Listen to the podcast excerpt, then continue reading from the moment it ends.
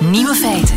Dag, dit is de podcast van Nieuwe Feiten van vrijdag 8 juni. In het nieuws vandaag de Lul Niet Lolly. Inderdaad, de Lul Niet Lolly die een groot succes is in Nederland. Bedacht door een concertzaal, het Paard in Den Haag, tegen de Dutch Disease. De Dutch Disease is de schrik van elke muzikant. Nederlanders vinden het namelijk heel normaal om tijdens een concert gezellig door te kletsen. Ik heb zo'n serie mijn been, ja, ik heb het ook niet makkelijk. Om hen het zwijgen op te leggen, krijgen ze nu gratis bij de ingang een lul niet lolly met erop een tekening van Laurel en Hardy die sst doen. En het werkt kennelijk, want 22 andere zalen willen nu ook lul niet lollies. Nu nog iets verzinnen tegen oplichtende smartphones. De andere nieuwe feiten vandaag. De medewerkers van de Amerikaanse ambassade in China zouden een slachtoffer kunnen zijn van een akoestisch kanon. Studenten Butler volgen deze maand een intensieve bootcamp. Sander van Horen, de Nederlandse journalist, analyseert Theo Franken. En vanillestokjes zijn even duur als zilver. Het middagjournaal komt van Nico Dijkshoorn. Veel plezier.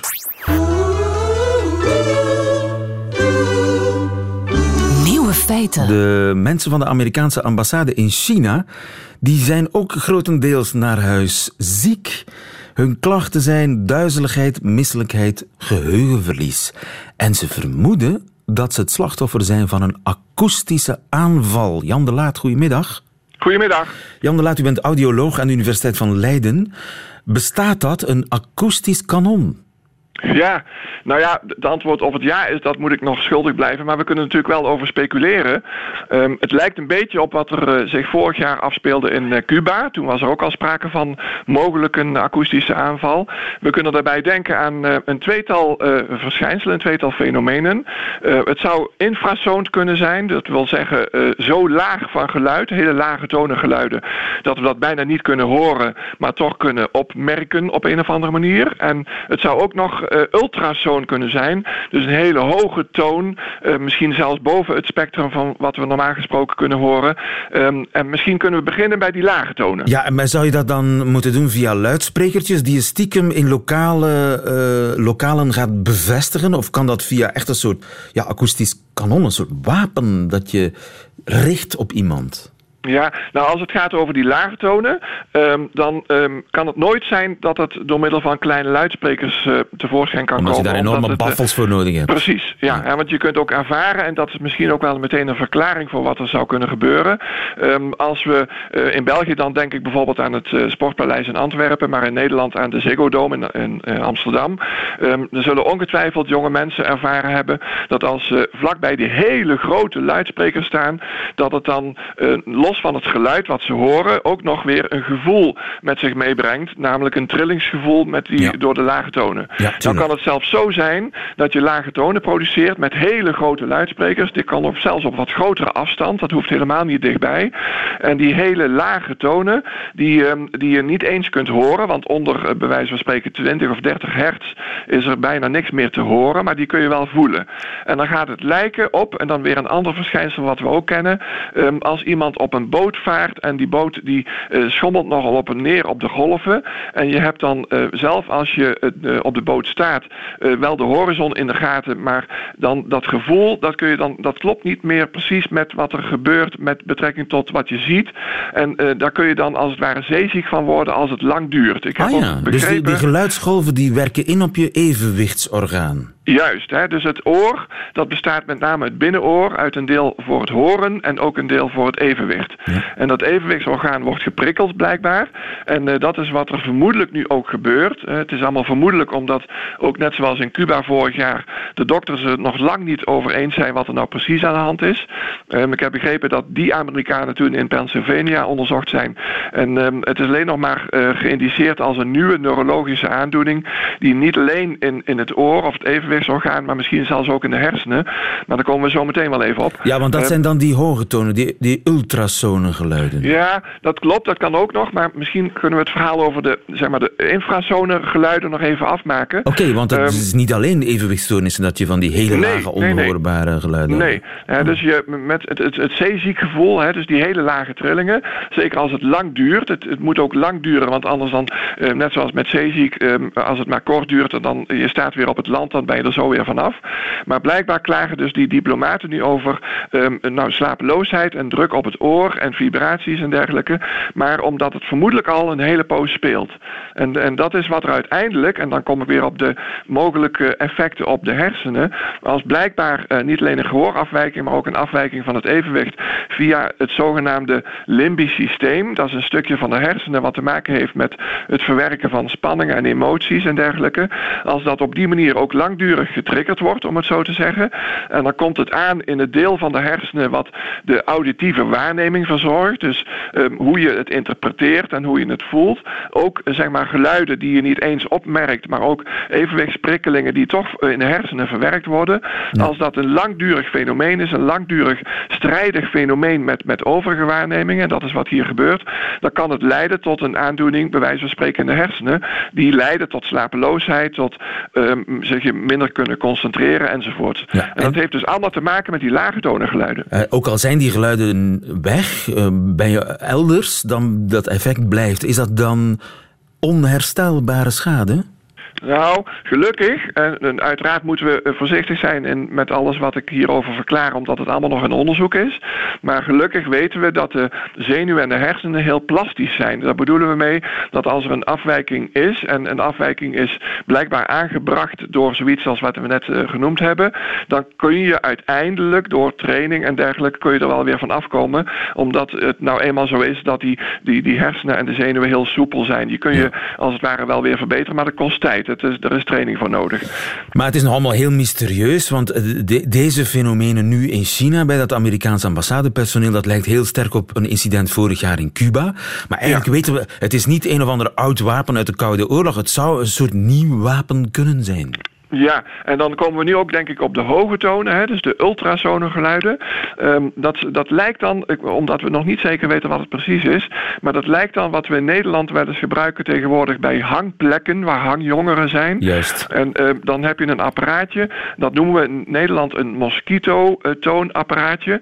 En dat eh, produceert een hele hoge toon, in de orde zo van 18 eh, kilohertz. En Alleen jongeren dat- kunnen dat horen. Als je ouder Precies. bent, dan eh, verlies je de capaciteit om zoveel hertz eh, te, te kunnen Ja. waarnemen. Maar ook dat heeft schadelijke effecten op de hersenen.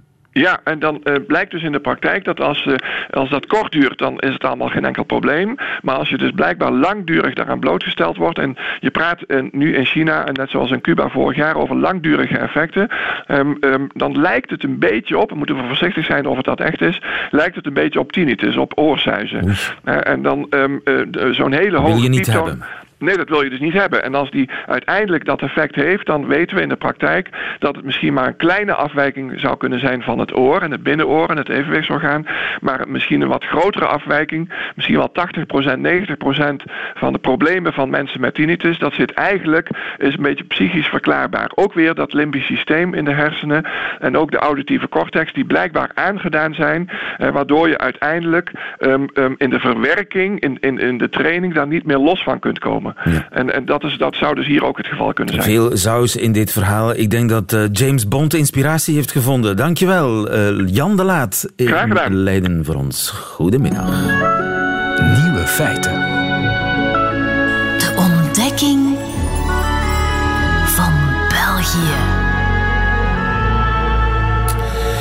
Meer bepaald door Sander van Horen, sinds september correspondent België geworden voor de NOS na tien jaar in Beirut. En elke vrijdag houdt Sander ons een spiegel voor. Is zo. Dag Sander. Ja, hallo. Sander, eh, de voorbije week laat zich makkelijk in twee woorden samenvatten in België. Ja, Theo toch. Franken, zeker. Ja. Theo toch. En daarmee hou ik niet jullie een spiegel voor, maar uiteindelijk blijkt hij, hij dat heel vaak te doen. Oké. Ja, door eh, zo'n manier van optreden en de verschillen in het land haarfijn bloot te leggen. Niet dat, hem, eh, dat de bedoeling is. Hoe maar... kijk jij naar, naar Theo? Nou, niet om te beginnen. Je kijkt niet naar Nee, Theo want ik ben geconditioneerd. Dus als ik weet dat er een leuk kamerdebat aan zit te komen... dan zet ik de VRT aan, Villa Politica. Maar die beginnen nooit op tijd. Oh. Dus je politieke programma met duiding en verslag van het vragenuurtje in eh, de federale parlementen. Begint om te beginnen een half uur later. En dan bestaat het zo. Dan is het debat al begonnen. Dan is het debat al begonnen, ja. En gelukkig wordt dat gestreamd op uh, dekamer.be. Dus die hebben een mooie livestream en dan kun je dat volgen. Alleen uh, vrij fijn is ook om te zien dat de VRT dus ook pas tweet... op het moment dat Villa Politica het debat met een half uur vertraging heeft uitgezonden. En heel veel politiek commentatoren doen hetzelfde. En dan is er altijd eentje die dan eh, kennelijk ook de livestream zit te bekijken. En die dus eigenlijk gratis een half uur voor de rest uh, weet wat er gebeurt. Maar Villa Politica moet je het dus niet van hebben. En gisteren was helemaal hallucinant. Want kennelijk werd er ergens gefietst in Frankrijk en getennist in Frankrijk. En kennelijk was dat voor de VRT zo belangrijk dat het hele programma maar een half uurtje mocht duren. Terwijl gisteren toch een heel interessant debat was. Ik bedoel, hij zou niet gaan vallen, dat weet je van tevoren. Maar dat de meerderheid zo straf sprak tegen uh, Theo Franke. Het was wel de moeite van het uitzenden waard, had ik zo bedacht. Maar wat heeft hij eigenlijk misdaan? Nou ja, dat is eigenlijk de vraag. Niet zo heel veel. Hij heeft uh, een doorstep. Hè, dat is bij een, een top, uh, zoals bij alle Europese toppen, komen de ministers aan. En dan heb, dat noemen wij in, als journalisten een doorstep. Oh, dan dan op de drempel van de, op de, drempel van de deur. En bij sommige gebouwen hier in Brussel hebben ze dan ook nog een, een, soort van rode loper. En dat is een geïnstitutionaliseerd feestje... waarbij de journalisten in Den Haag staan... en als een Hollywoodster komt de bewindsman of vrouw... eventjes een, een commentaar geven. Soms ook niet. Uh, soms is het wat uitgebreider. Soms is het echt voorbereid omdat iemand uh, een agenda heeft. En een andere keer is het wat meer uit de losse pols. En ik weet niet of die rode loper er lag in Luxemburg... maar daar was in elk geval Theo Franke... die schijnbaar uit de losse pols wat zei. Alhoewel ik hem inmiddels wel zodanig ken dat ik me afvraag of dingen bij hem ooit uit de losse pols zijn. Daar is hij gewoon veel te slim voor. Um, en wat maar, heeft hij daar gezegd? Nou ja, daar heeft hij gezegd dat uh, artikel 3 van het Europees Verdrag voor de Rechten van de Mens uh, wat omzeild moet worden. En daar is vervolgens iedereen overheen gevallen. Probleem is Terecht toch? Ja, nou dat vraag ik me een beetje af. Want um, als je dat artikel... artikel 3 van het uh, Rechten van de Mens, dat, dat, dat is toch geen vodje papier? Dat is geen vodje papier en daarin uh, gaat het over foltering en uh, andere behandelingen die je een mens niet aan wil doen. En dat mag je dus ook niet willen. En dat staat in dat artikel 3. En je kunt op je blote voeten aanvoelen dat Theo Franke niet zegt van... goh, laten we mensen eens gaan martelen. Of laten we ze eens terugsturen naar een land waar we weten dat dat gebeurt. Met Sudan in het achterhoofd kun je daar vraagtekens bij stellen. Maar nogmaals, de man is niet gek. En het probleem van dat hij dat zei, en dat heeft hij fout gedaan, dat hij dat zei, wetend dat hij eigenlijk doelde op de uitleg van het Europees Hof voor de Rechten van de Mens, van dat artikel, waardoor beleid moeilijk gemaakt wordt. Maar dat zei hij niet. Het probleem is dat niemand verder heeft geluisterd. Want wat hij verder namelijk zei is pushbacks. Nou, oké, daar hebben mensen hebben dat ook nog net gehoord en die zijn daarover gevallen. Terwijl die daar eigenlijk niks anders mee zegt dan een Angela Merkel of een Charles Michel voor that matter. Als jij namelijk de grenzen wil beschermen van de Europese Unie, dat betekent dat dat mensen die daar aankomen en die je dus tegenhoudt, dat daar iets mee moet gebeuren. Dat noem je pushbacks. Je kunt het ook anders noemen. Je kunt het investeren in de grensbewaking noemen. Dan heb je het opeens van die negatieve lading ontdaan. Dat is wat Merkel doet. En dan, maar je zegt natuurlijk precies hetzelfde. Alleen, als je nog verder had geluisterd, dan had je gehoord dat hij zei dat hij zich zorgen maakt om Europa, mind you. Dat namelijk op. En dat heeft niemand gehoord. Nee, maar dat heeft Merkel in haar politiek wat slimmere bewoordingen gezegd. Of met een andere agenda. Want de bewoordingen van Theo Franke waren uiteindelijk komen we zo waarschijnlijk wel op. Politiek gezien natuurlijk wel heel slim.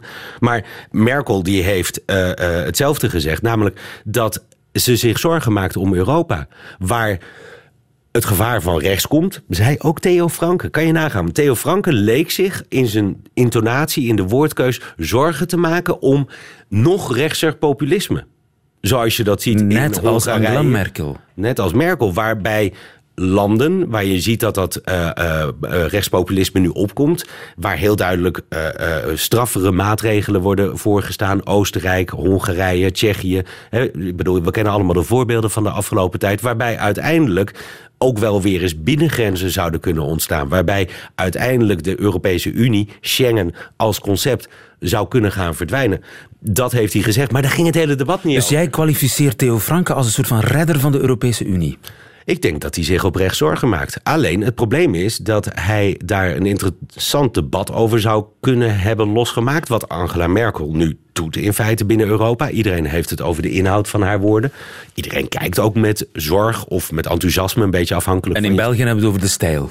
Ja, en ik vind het toch wel fascinerend hoe dat gaat. Uh, dat is geen incident. Ik bedoel, aan de andere kant van dit gebouw zit de RTBF. De manier, de haat waarmee jouw collega's ook spreken over die man. Het gaat alle inhoud voorbij. En daarmee is hij toch een splijtswam binnen, binnen België. En dat, dat is evident. Ik bedoel, ik vertel daarmee niets nieuws. Alleen, hij zou zoveel meer kunnen zijn dan dat. Hij zou mensen kunnen samenbrengen op dit thema. Omdat uiteindelijk hij helemaal geen rare dingen zegt of doet. Als je ook kijkt uh, uh, in de afspraak. Uh, zat iemand van Vlaams Belang. die hem aanviel op het feit dat hij alle afspraken die België maakt over het herhuisvesten van vluchtelingen en dergelijke, dat België die heel netjes nakomt. Zijn beleid, op de keper beschouwd, is misschien helemaal niet zo raar. Maar ook daar gaat het niet over. Door de manier waarop hij politiek voert. En wat zou het fraai zijn als Theo Franke wat minder zijn eigen kiezer zou willen bespelen. Dus eigenlijk wat minder zou gaan voor het politieke gewin op korte termijn. Wat meer minister zijn? En dan zou die voor België, denk ik, uiteindelijk heel veel meer kunnen bereiken. Te meer daar die haat bij de Waalse socialisten met name tegenover de man Franken en zijn woorden ik denk dat dat een tikkende tijdbom is voor die Waalse socialisten. Ik ben toevallig de afgelopen week ook vrij veel in Luik geweest. Hè, dus bij de aanslag, de dag daarna, tijdens de begraving van de agentes. Ja. Het is dat de Walen geen serieus alternatief hebben... en toch nog altijd een beetje huiverig zijn... ondanks de populariteit van Franke ook in het Waalse deel van het land... maar wat huiverig zijn om op de Vlaamse nationalisten te stemmen. Maar de sentimenten die zijn er niet anders. Ik bedoel, ik, soms is het ronduit racistisch wat je daar hoort over buitenlanders. Dus daar zit in Wallonië ook een enorm potentieel. Wat uiteindelijk nu dan toch maar op de communisten of op de PS stemt, omdat er geen alternatief is. Maar jij denkt dat dat een tikkende tijdbom is? Het lijkt me wel, want waarom zouden die sentimenten die je ziet in Nederland, in Vlaanderen, in Oost-Europa, in Duitsland met uh, eh, AFD, waarom zouden die in Wallonië op een miraculeuze manier allemaal ontbreken. Uh, het zijn echt geen andere mensen die daar wonen. Dus jij bent fan van Theo, begrijp ik? Nee, ik ben nog altijd fan van uh, het Kamerlid Vuijen. Want uh, ondanks alle polemiek gisteren en alle uh, uh, ballen die op de man gespeeld worden, was hij er met de simpele analyse. Uh, Theo Franke die raakt een punt, alleen niemand praat erover. Dit is het punt wat hij eigenlijk wilde maken. Dus laten we erover ophouden. Laten we overgaan tot de orde van de dag en beleid maken. Ik bedoel, zou dat eens wat meer. Maar kissebis over de stijl, dat komt eigenlijk alle mogelijke partijen beter uit. Ja. Electoraal. Electoraal, of in elk geval dat denken ze. Want ik denk dat de Waalse socialisten daar misschien nog wel van terug zullen komen. Alleen de fout die iedereen maakt, is dat ze in het frame van Franken gaan zitten. Ze reageren op hem. En dat doet hij waanzinnig slim. In Nederland hebben we daar met Wilders... Uh, heeft de politiek daar ook een enorm probleem mee gehad. Dat er gereageerd wordt op de man... in plaats van uit je eigen krachten redeneren. Je zou ook kunnen zeggen... ja, wat Franke zegt, dat is allemaal oud, uh, oud beleid. Ik bedoel, daar staat de regering voor. Daar staat iedereen voor. Alleen wat hij voorstelt is dom. Dankjewel. En dan moet je hem uit laten leggen waarom hij vindt dat hij niet dom is. En dan dring je hem in in de verdediging. Elke week krijgen wij een spiegel, uh, toch? Ja, van ja, uh, Sander van Horen, die uh, flinke vorderingen maakt als kandidaat Nederbelg. Radio 1. Nieuwe feiten.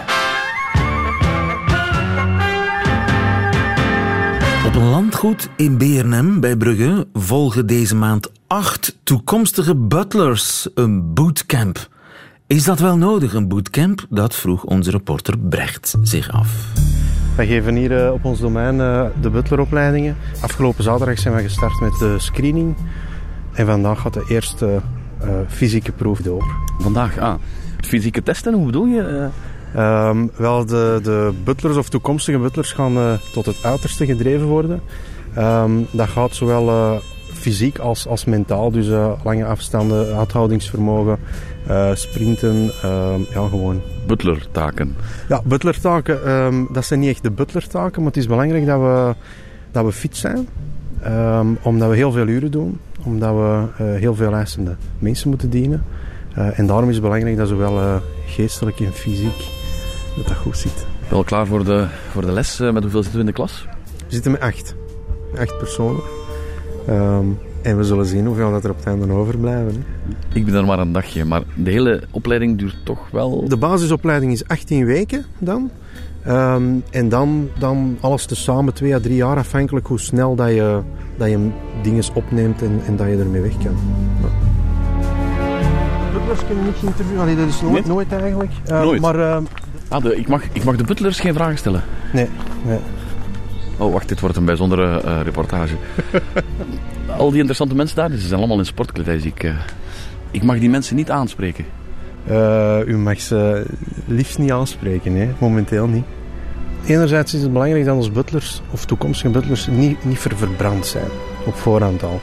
Uh, dus als uh, namen en zo verder en gezichten bekend zijn, zijn er voor heel veel mensen is dat al een, al een punt om ze niet aan te nemen. Ehm, we hebben ook een keer ervoor gehad dat Ehm, dat er een butler bedreigd is geweest omdat ze wisten voor, voor welke familie dat hij werkte. En sindsdien uh, ja, heb ik eigenlijk liever niet dat het, dat het gebeurt. Ja. Uh, maar onze personal trainer mag je gerust interviewen. gaat erin. Zij is onze drill sergeant. 3, 2, go! Uh, de groep is ja, nieuw gestart sinds zaterdag. Dus we kennen elkaar al een beetje. Maar natuurlijk, vandaag gaan we voor de allereerste keer de fysieke kunde testen. En dan uh, ja, komt ook het karakter een beetje boven sijpelen natuurlijk. In hoeverre ja, ga je door op het moment dat het lastig wordt. In hoeverre kun je gewoon heel gedisciplineerd ja, doen wat er gevraagd wordt. Ook al is het zwaar. En ook al is het ja, misschien niet dat wat je het liefste doet. De butler voert inderdaad uit, ja. Die stelt eigenlijk geen vragen. Hè. What is butler service? Sir, Butler service is passion, energy and commitment, sir. Wordt krant nog altijd gestreken door een butler?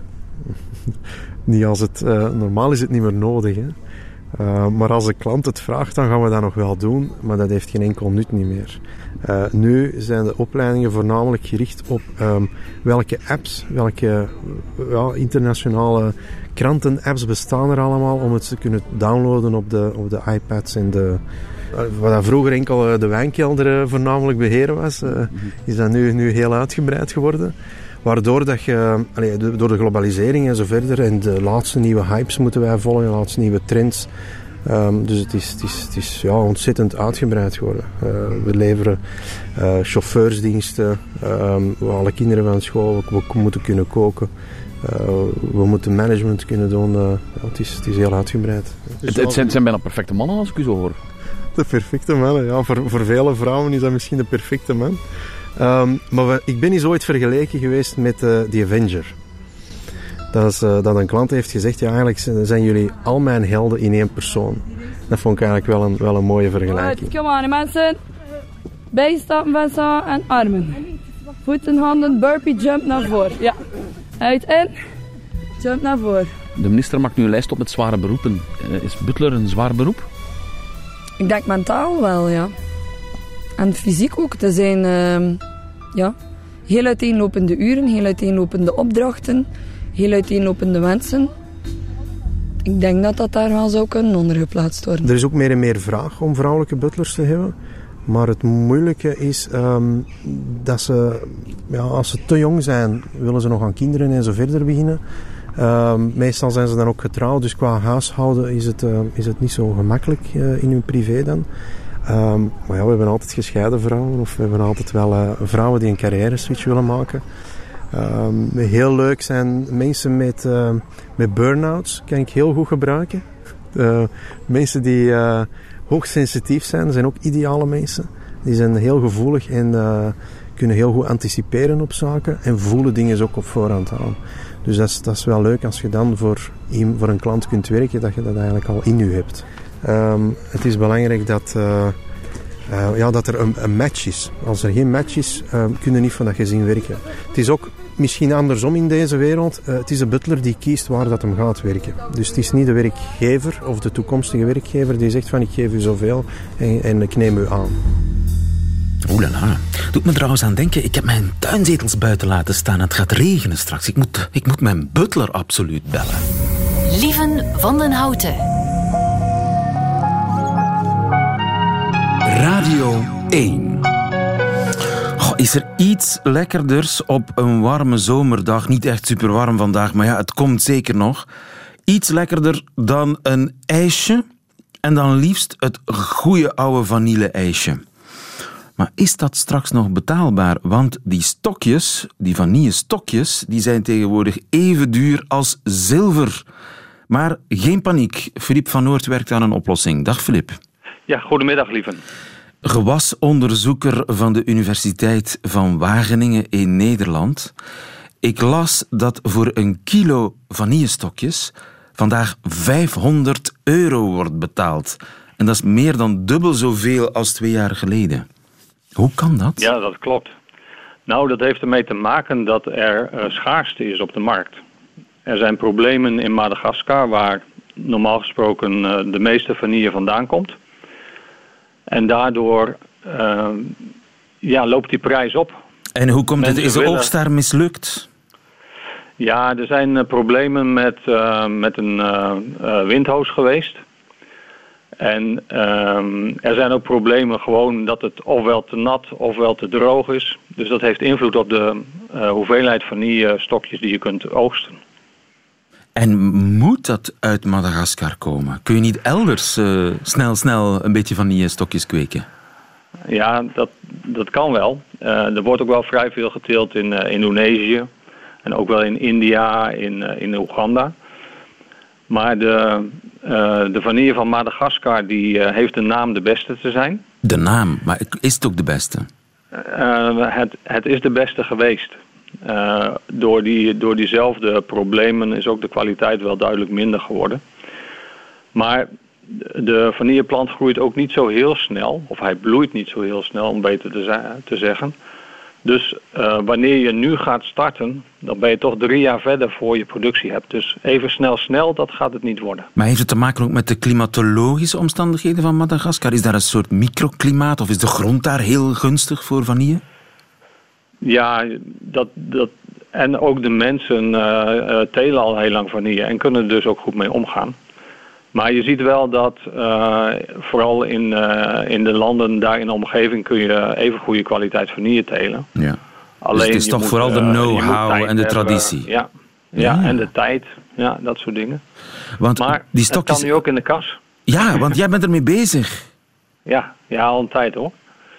En... Ik ben uh, zeven jaar geleden begonnen. Had je dat voorzien dat vandaag de dag 500 euro per kilo zou betaald worden voor uh, vanille stokjes? Nee, nee, zeker niet. Maar de, nee, ik, ik, was al eerder begonnen. Ik ben uh, een, een teler van orchideeën en, en andere... Uh, Sierbloemen bloeiende, bloeiende, gewassen eigenlijk. Maar goed, uh, vanille is ook een orchidee. Dus oh, ik ja? denk van, vanille is nou, eigenlijk een bloem. Nou, vanille is, is eigenlijk de enige orchidee waar we de, de vruchten van eten. Dus de vanille is eigenlijk de vrucht van een bloem? Ja, ja je, je eet eigenlijk de, de pul en de zaadjes van een, uh, van een orchidee. Een soort bes, gedroogde bes eigenlijk? Ja, eigenlijk wel. Ja. Maar bijna iedereen zegt pul. Het, het lijkt namelijk best wel of je een, uh, zeg maar een uit de kluiten uh, gegroeide uh, spersieboon oogst. Ah ja. Ja. En, maar die, die, die stokjes, dat is dus eigenlijk een soort boon? Ja, ja. Maar dan gedroogd? Nou ja, ja het, is, er zit een, het is niet alleen drogen, er zit wel een bepaalde bewerking. Uh, dus je moet hem eerst blancheren en daarna moet je uh, de uh, Blancheren, dat is, dat is kort koken, hè? Ja, ja. ja kort, -hmm. kort verhitten om de schimmels te doden. En daarna ga je de enzymen aan de gang brengen door bij een hogere temperatuur en een hogere luchtvochtigheid de, de, de bonen een paar dagen te bewaren. Oh ja, dat is een soort fermentatie. Komt, ja, het is een soort fermentatie. En daarna ga je rustig indrogen. En dan krijg je die lekkere zwarte vanillestokjes die op dit moment super duur zijn. Ja, en komt dan pas de smaak en de geur? Ja, klopt. Dus die, die de, plant zelf, daar ruik je niks aan? Nee, ruik je niks aan. Nee. En dus, uh... nee, dus dat verwacht ook iedereen als ze, wanneer ze in mijn kast komen, dat het heerlijk ruikt. Maar dat, uh, niks is minder waar. Ja, dat is een tegenvaller. Uh, nu, uh, nou, de fermentatie doe, doe, ik ook zelf hoor. Dus dan, daarna neem ik ze dan wel mee naar waar ik fermenteer. Ja.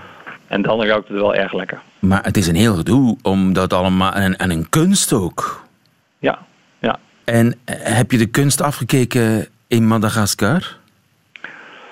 Nee, ik ben naar La Réunion geweest. Oh, La Réunion kweken ze daar ook vanillestokjes? Ja, en daar hebben ze ook ontdekt hoe, hoe je de handbestuiving moet doen van, uh, van vanille. Ook dat nog, handbestuiving? Ja, dat maakt het zo duur. Dus vandaar dat vanille ook vooral in lage lonenlanden geteeld wordt. Ja, ja. Zeg, maar er is toch ook synthetische vanille? Wordt dat niet eh, op grote schaal gebruikt?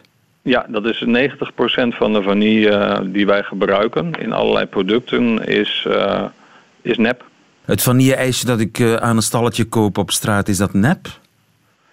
Um, nou, dat, dat ligt er een beetje aan. Als je zeg maar ambachtelijk ijs met zwarte puntjes, dan, dan heb je een kans dat het echt vanille is. Maar in de meeste producten die wij eten zit een extract. En meestal geen extract van echte vanille. En dat is eigenlijk gewoon chemisch gefabriceerd, nagemaakt? Ja, ja. Maar u bent dus uh, flink bezig met de echte vanille, een soort nedervanille. Ga je een plantage mhm. beginnen? Nee, ik zelf niet. Ik doe mijn onderzoek voor een aantal Nederlandse kwekers. En ik hoop dat zij uh, binnenkort een bedrijf met vanille gaan beginnen. En dat zou dat nijpend tekort aan echte vanille kunnen oplossen. Nou, dat zal met zo'n vaart niet lopen, want je praat echt over duizenden kilo's die er te weinig zijn. Ehm, maar ik hoop wel uh, ja, dat we een steentje bij kunnen dragen aan, uh, aan oplossingen. En ook dat we kennis kunnen ontwikkelen om te voorkomen dat het in, uh, in andere landen uh, vaker misgaat. De redder van het vanille-ijs, Filip van Noord. Wie weet, komt er ooit een standbeeld, dan wel een straat die naar u genoemd wordt? Ik uh, zou heel erg vereerd zijn, maar ik verwacht het niet. Dankjewel en veel succes, Filip van Noord. Goedemiddag. Ja, dank, lieve. Over naar Nico Dijkshoorn. Nieuwe feiten. Middagjournaal. Beste luisteraars. Wat ik de laatste tijd heel graag mag doen, dat is wildvreemde mensen op straat aanhouden en ze dan kledingadvies geven. Ik loop op iemand af, ik leg mijn hand op zijn schouder en dan zeg ik gewoon wat in me opkomt. Gisteren stond ik voor een vrij kleine man die zijn broek als een harmonica op zijn schoenen liet hangen. Ik zei: Waarom draag jij het pak van je broer? Is het nou zoveel moeite om een broek op lengte te laten maken? Oké, je bent klein, het zit zelfs tegen dwerggroei aan, maar dan hoef je er toch niet uit te zien als een aangekleed kind. Hier, kom eens hier. Doe je haar ook eens anders. Kijk zo. En daarna ging ik woest met mijn handen door zijn haar. Ik heb gemerkt dat de meeste mensen dat niet heel prettig vinden.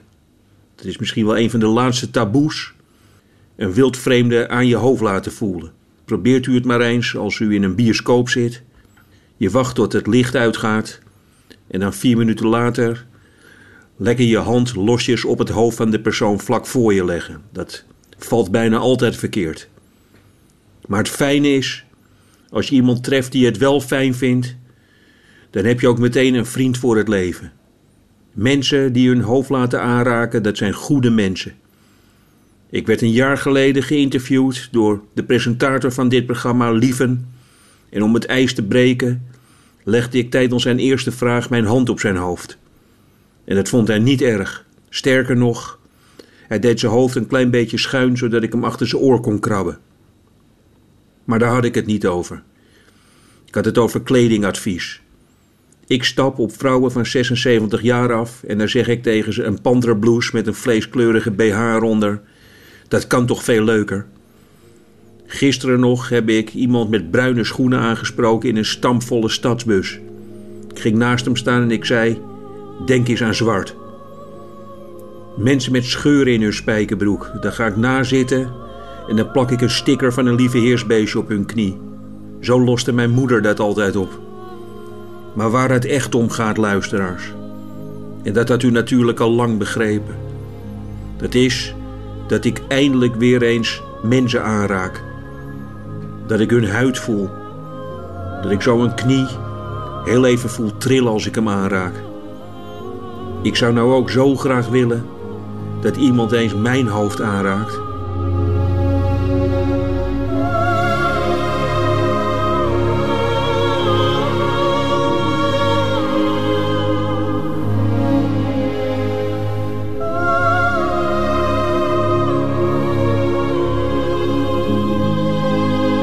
Middagjournaal eh, met Nico Dijkshoorn. Meteen het einde van deze podcast. U vindt er nog veel meer op radio1.be en op de gebruikelijke podcastkanalen. Tot volgende keer.